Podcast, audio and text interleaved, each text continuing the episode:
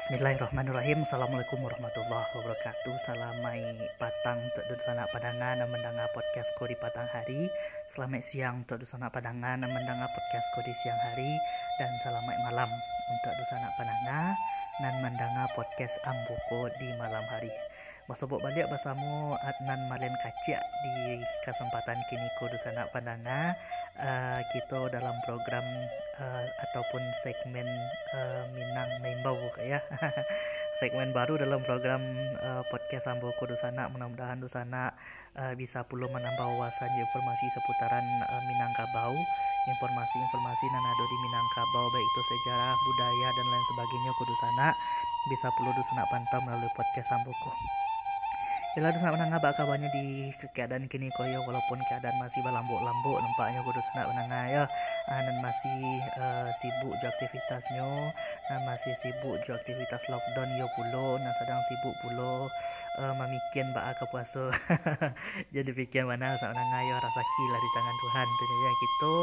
Uh, yang pastinya berusaha yo pulo berupaya yo pulo dosa menangga ya Di kesempatan kali ko sana ambo akan coba ge informasi dari Tambo Minangkabau ke ruang dangan sana ko.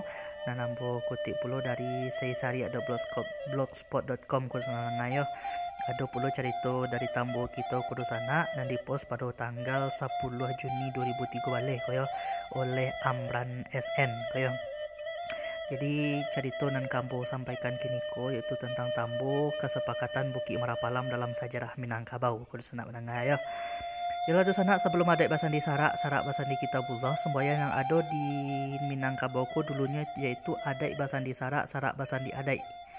Dan embrionyo diprakrasai oleh Syekh Burhanuddin, yaitu seorang ulama Minangkabau yang mengembangkan Islam diulakan kudus nak menangayo, yaitu pada tang pada abad ke-7 balik Masehi. Nah, inspirasi ditarimonyo ketika inyo baguru dan baraja pada Syekh Abdurrauf Ashingkel di Aceh, kaya. Nah, seperti yang kita ketahui bahasa modus nak unangan, Minangkabau memang adalah cukup lama uh, memeluk agama Islam kok ya. Bahkan ada catatan sejarah yang menyebutkan nagari Minangkabau ko memeluk Islam uh, dikembangkan oleh pedagang-pedagang berasal dari Arab dan singgah di nagariko ketika abad ke-7 Masehi dahulunya. Akan tetapi dalam kenyataan baru tahun 1560 Masehi ada Raja Minangkabau dan agama Islam yang sekaligus memakai nama Sultan Alif Kota Sanak Benanga. Maka kita dapat uh, membuat uh, benang merahnya bahwasanya rakyat Minangkabau lebih dahulu menganut Islam daripada rajonya. Karena awak lama menganut sejak tahu sejak abad 7 Masehi sedangkan Raja Minangkabau baru um, tahun 1560-an di sana ya. Nah, Tambuak Minangkabau menghikayatkan kalau sebelumnya kerajaan Pagaruyu yang dipimpin oleh Aditya Warman, masyarakat Minangkabau sebelumnya itu adalah dipimpin dek dua dia beradik aku senang nangayo, yaitu Datuk Kato Manggungan dan Datuk Parpatiah nan Sabatang. Nah, keduanya ko dalam mengatur pemerintahan, ada puluh kalau Datuk Kato Manggungan itu sistem pemerintahnya namanya Kuto Piliang. Dan Datuk Parpatiah nan Sabatang memakai sistem Bodi Caniago. Nah, dua sistemku populer jo sabutan nan duo. Nah, kedua kelarasanku akhirnya melahirkan aturan-aturan adat yang kemudian menjadi pandangan hidup untuk masyarakatnya Dusun Menangayo yang didasarkan pada ketentuan nyata yang terdapat dalam alam pikiran nan tuang dalam filosofi alam takambang jadi guru. Nah, sajalan je filsafat-filsafat tu sana maku ada Minangkabau jo sagalo sistem dan struktur masyarakatnya adalah ado sebelum Islam masuk. Dan bagi orang Minangkabau, adik adalah merupakan kebudayaan dan Allah utuh. Tidak dapat diubah-ubah lain seperti filosofi dan dianit dan masyarakat Salamoko. Nah, digambarkan adat Minangkabau sebelum Islamisasi terjadi ko dosa nak menangayo hubungan areknya tu dengan surau yang pastinya kaya nan surau ko atau lembaga keagamaan ko mempunyai hubungan dengan arek pulau jo kerajaan Pagaruyuang sebagai pusat kekuasaan. Nah jalinanku lebih dipatagih le ko dosa menangayo jo berdirinya sebuah surau gadang di zaman Aditya Warman yaitu pada tahun 1356 Masehi di kawasan Bukit Gombak Batu Sangka. Gadang yang didirikan oleh Aditya Warmanko di sana merupakan tampek baraja untuk agama Hindu Jawa. yang yang pada saat itu merupakan agama uh, sebagian besar masyarakat Minangkabau. Ya.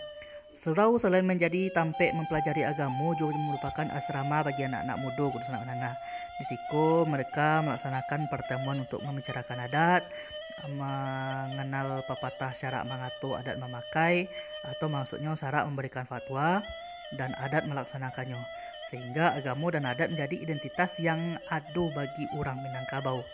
Maka aiblah kalau ada orang Minangkabau dan indak beragama. Nah, balik kita ke Syekh Burhanuddin lihat di sana. Syekh Burhanuddin kembali dari Aceh dan nyo segera menyebarkan agama Islam dengan gencar-gencarnya ya walaupun menurut catatan sejarah Minangkabau uh, Islam tuh lah dibawa dari para pedagang dari Arab tetapi Burhanuddin lah ulama pertama yang mengembangkan agama Islam dengan sistem pendidikan surau. Nah, sebagai ulama yang gadang koyo nang giat menyebarkan Islam dengan sistem pendidikan surau ko, bukanlah berarti Syekh Burhanuddin ko tidak dapat tantangan dari pihak lain di Minangkabau ku sana. Khususnya dari kaum adat yang merasa keberadaannya uh, tergusur koyo. Namun berkat kejelian dan bantuan dari Dusan Sanak Kasadonyo dan Sapa Kuruan Joseph Burhanuddin ko, kecurigaan dari kaum adat ko dapat dinetralisirnya atau dapat dihilangkan. Nah akhirnya saya Burhanuddin bersama ke ampe kawannya akhirnya mendatangi Basa Ampe Balai yang merupakan kekuasaan tertinggi di tampuk pemerintahan di Minangkabau. Nah dari pertemuan saya Burhanuddin juga ampe kawannya yang mewakili pihak ulama Coba sampai balaiko di Bukit Marapalam Puncak Pato. Akhirnya terciptalah kesepakatan adat Basandi Sarak, Sarak Basandi Adat. Nah itu awalnya koyo Jo inspirasi kola kemudian pada zaman Padri kembali dikukuhkan kesepakatan di tahun 1837 Masehi. Nah, kesepakatan Bukit Marapalamko disabui oleh sebagian orang cerdik pandai, jo pemuka masyarakat Minangkabau sebagai marapekan alam atau marape alam atau mempertemukan pikiran masing-masing nambah beda. Namun kesepakatan tersabui masih menyisakan tanda tanya bagi sebagian besar orang Minangkabau dan para ahli. Bilu sabananya pertemuan ko berlangsung dan apa landasan pikiran dan apa latar belakangnya sehingga disabui ke filosofi. Akhirnya tidak banyak orang yang tahu di sana. Bung Hatta dalam seminar sejarah di kebudayaan Minangkabau di Batu Sangka pada tahun 1970 mengemukakan bahwasanya ungkapan itu tidak pernah didangannya waktu ketek. Yang pernah didangannya itu yaitu adai basandi sarak, sarak basandi adai. Nah, jadi belum Ba'a mencari menyikapi yang disampaikan Muhatako jo peristiwa sumpah sati Bukit Marapalam itu yaitu adai basandi sarak, sarak basandi kitabullah Nah, merujuk kita kepada yang dilakukan dek Syekh Burhanuddin dan kampek kawannya di sana yaitu ada basan di sarak, sarak basan di alai. Serupa yang diungkapkan dek Bung Hatta tu dalam seminar sejarah dan kebudayaan Minangkabau di Batu Sangka. Dan itu merupakan penjelasan dan pengulangan dari upaya Syekh Burhanuddin menyatukan antara agama dan adai yang pada waktu itu untuk mengurangi konflik dengan kaum adai, terutama konflik kekuasaan di Pagaruyuang.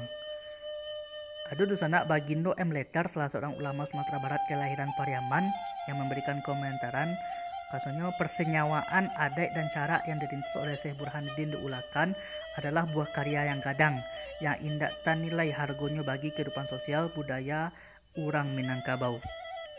Nah, kile balik dari upaya Syekh Burhanuddin tersebut ke sana dapat digambarkan setelah 10 tahun mengajar diulakan. Ya, setelah 10 tahun maja diulakan, mengadakan evaluasi menyangkut perkembangan perguruan umat Islam di Minangkabau. Satu ba'a sikap kaum adat dan kaum hulu dalam menarimu ajaran Islam.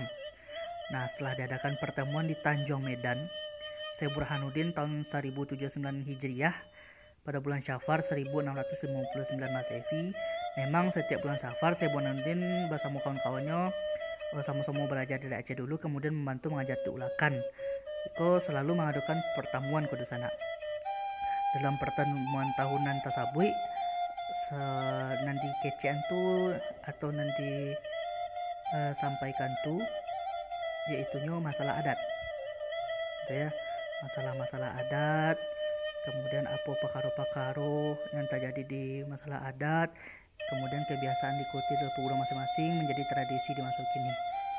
Nah, secara kebetulan wafatnya Syekh Burhanuddin batapatan di bulan Syafar tahun 1100 Sawale Hijriah yang disepakati puluh di bulan Safar itu sebagai acara dilaksanakannya ziarah ke makam guru atau pada bulan Tarang purnama eh, atau pertemuan tahun 1079 Hijriah atau 1650 Hijri melahirkan beberapa rekomendasi panjang ke sana ya.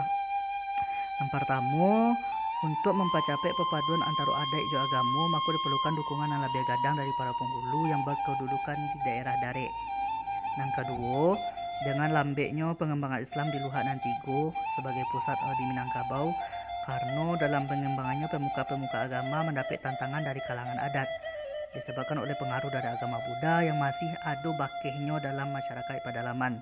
Sementara itu, penghulu atau kaum adat masih kukuh memegang kebiasaan-kebiasaan jahiliyah seperti menyabuang ayam, minum tua, main dadu, membuat maksiat lainnya. Dan di kawasan Luhak 50 kota, asal mulanya masuk Islam pernah terjadi pertentangan antara paham Sunni dan Jusiah kudu sana. Dengan adanya pertentangan paham keagamaan tasabui, maka kekuasaan di Minangkabau dipacah menjadi tiga bantua, yaitu Rajo Adat di Lintabuo, Rajo Ibadat di Sempur Kudus, Rajo Alam di Pagaruyuang. Nah, katigo ko disebut dengan Rajo Tigo Selo. Walaupun bantu itu katigo ko merupakan simbol hanya simbol saja kudu sana. Sedangkan kekuasaan pemerintah dilaksanakan oleh Basa Ampe Balai. Yaitu Banda Datuk Bandaro menjabat sebagai Menteri Utama dan Menteri Keuangan yang berkedudukan di, di Sumatera, Tuan Indomo Menteri Urusan Adat yang berkedudukan di Sarwaso, Kemudian Tuan Mangkudun sebagai pengatur wilayah kerajaan urusan rantau bermarkas di Sungania, sedangkan Tuan Kadi sebagai menteri agama yang berkedudukan di Padang Gantiang. Nah, perangkatku ditambah Dek Tuan Gadang di Batipuah sebagai Menteri Pertahanan dan Keamanan. Nah, kalau ditiliak, maka Tuan Mangkudum yang menjabat sebagai Menteri Urusan Rantau, maka kekuasaannya lebih gadang kudu sana karena segala ajaran yang masuk ke Minangkabau adalah inyo yang menentukannya. Nah, fenomena pergejolakan dan pergerakan kehidupan keagamaan sejak awal periode Minangkabau sampai berakhirnya gerakan padri dan munculnya kaum tua jo kaum dengan para pelaku ulama dan penghulu-penghulu termuka di Luhak Nantigo. Maka dilaksanakan kesepakatan Buki Marapalam di mana pemilihan ko tampek ketinggian tampeknya ko ada di tampek ketinggian di puncak Pato yang terletak di desa Sungayang Jo Buki Bule ko ya. Nah, sejak dikukuhkannya perjanjian Bukit Merapalam oleh pemuka adat dan ulama Minangkabau, maka dilakukan penyebaran kesepakatan oleh kedua belah pihak. Wujud konkret dari perjanjian itu dituang dalam filsafat adat yaitu adat basandi sarak, sarak basandi kitabullah. Syarak mengatur, adat memakai. Adat buruk yang dibuang, adat bayi dipakai. Syarak jo adat ba'awa jo tabiang, sanda menyanda keduanya. Nah dalam penjelasannya maka adat Minangkabau didasarkan pada agama Islam dan agama berdasarkan kitabullah atau Al-Quran. Agama memberi fatwa, adat melaksanakannya. Adat yang elok adalah adat yang norma-norma Islam harus dipertahankan. Sementara adat yang buruk itu bertentangan dengan ajaran agama Islam dan harus dibuang atau dicampaan. Antara sarak jo adat indak itu pertentangan sebagai filosofi pandangan hidup orang Minangkabau. Nah, ada beberapa untayan benang merah yang perlu dibicarakan dalam hubungan antara Minangkabau jo ungkapan adai basandi sarak sarak basandi kitabullah. Nampar tamo. Adai lebih dahulu hadir daripada sarak yang Islam di tengah-tengah masyarakat Minangkabau. Seperti dikenal secara umum, sejarah Minangkabau indak memiliki media tulis, indak meninggalkan jejak sejarah, mitologi, dan tambo kecuali yang ditinggalkannya itu tambo tadi ya. Peninggalan sejarah yang ditemukan tidak mencerminkan kenyataan kedekatan agama Islam dan agama Hindu. Namun satu-satunya kerajaan dan berdiri dimasuk kejayaan Hindu adalah kerajaan Pagaruyuang dengan rajono yang bernama Aditya Warman. Masuknya agama Islam di Minangkabau berhadapan langsung dengan masyarakat dan Allah mengenal konsep Tuhan dan disebut Nanbana yang berdiri dengan sendirinya kemudian diungkap dalam mamangan kamanakan beraju ke mama mama beraju ke manghulu panghulu beraju ke mufakai mufakai beraju ke nanbana nanbana berdiri sendirinya kemudian Islam datang dari luar ungkapan dan pastinya uh, dalam mamangan syarat mengato ada memakai Artinya syarat datang dari luar yang terus mendaki sampai ke tanah asal atau luar Nantigo, kemudian ajaran adat menurut dari tanah asal ke rantau dan pasisia. Yang kedua kudu sana, bayi adat maupun sara adalah mengandung nilai-nilai yang mengatur kehidupan manusia. Pengaturan adat lebih bersifat duniawi dalam padu nilai-nilai cara mengatur secara seimbang antara hidup keduniaan dan hidup keakhiratan. Maka jadi demikian ajaran Islam bersumber pada Allah dan Rasulnya diakui lebih sempurna dibandingkan pada adai. Pengertian syarak merupakan adai dan syarak mengatur adai memakai antara menyempurnakan dan yang disempurnakan. Tidak boleh tangan kudu sana. Itu pula nan mengatur dan nan memakai. Ketiga syarak ko bersifat pasti, jalih, jo tegas. Sementara nilai-nilai dalam ajaran agama adat itu bersifat relatif dan terbuka. Seperti pepatah ko syarak lenjang adat basi tumpu. Adat berbuah sentak, syarak berbuah mati. Adat tunduk kepada hukum perubahan sedangkan syarak mengendalikan perubahan. Bak pepatah ko sana adat dipakai baru, baju dipakai usang, sakali ayah gadang, sakali tapian baralia. Nah, benang merah yang terakhir adalah ungkapan adai basandi syarak syarak basandi kitabullah mengingatkan dia menyadarkan kita bahasanya perbedaan dan indak menyebutkan pertentangan antara nilai yang ada dalam adat kemudian nilai yang terkandung di dalam syarak. Ketundukan adai kepada syarak masih terus berproses sesuai kodrat adai dan tunduk pada hukum perubahan. Nah, berdasarkan kesadaran ikulah dapat ditarik kesimpulan, masyarakat Minangkabau sejak dulunya bergerak maju menuju masyarakat Islam. Sehingga upaya pencarian jati diri Minangkabau harus lebih mengacu pada nilai-nilai ajaran agama Islam. Nah, tu dosa danga ya informasi pertama dan nambo agilkan kaluang danga tu sana dan nambo kutip dari meja kerja Amran SN koyo. Bahasanya itu ternyata sejarah awal pertamanya tentang kesepakatan Bukit Marapalam dalam sejarah Minangkabau. Dan dipost pada tanggal Senin 10 Juni 2003 balik. Jadi sana kalau sana punya informasi-informasi seputaran uh, dunia alam Minangkabau bisa perlu dikirim sisiko melalui email Ambo di adnanferdaus00 at gmail.com boleh perlu di chat Ambo di ruang chat sisiko dan kalau di sana ke-70 kita akan hadirkan kisah-kisah ataupun tambu-tambunan lainnya ke ruang dangan di sana. Terima kasih banyak nanalah memantau siaran podcast Ambo mudah-mudahan bermanfaat untuk di sana kesadonyo. Assalamualaikum warahmatullahi wabarakatuh.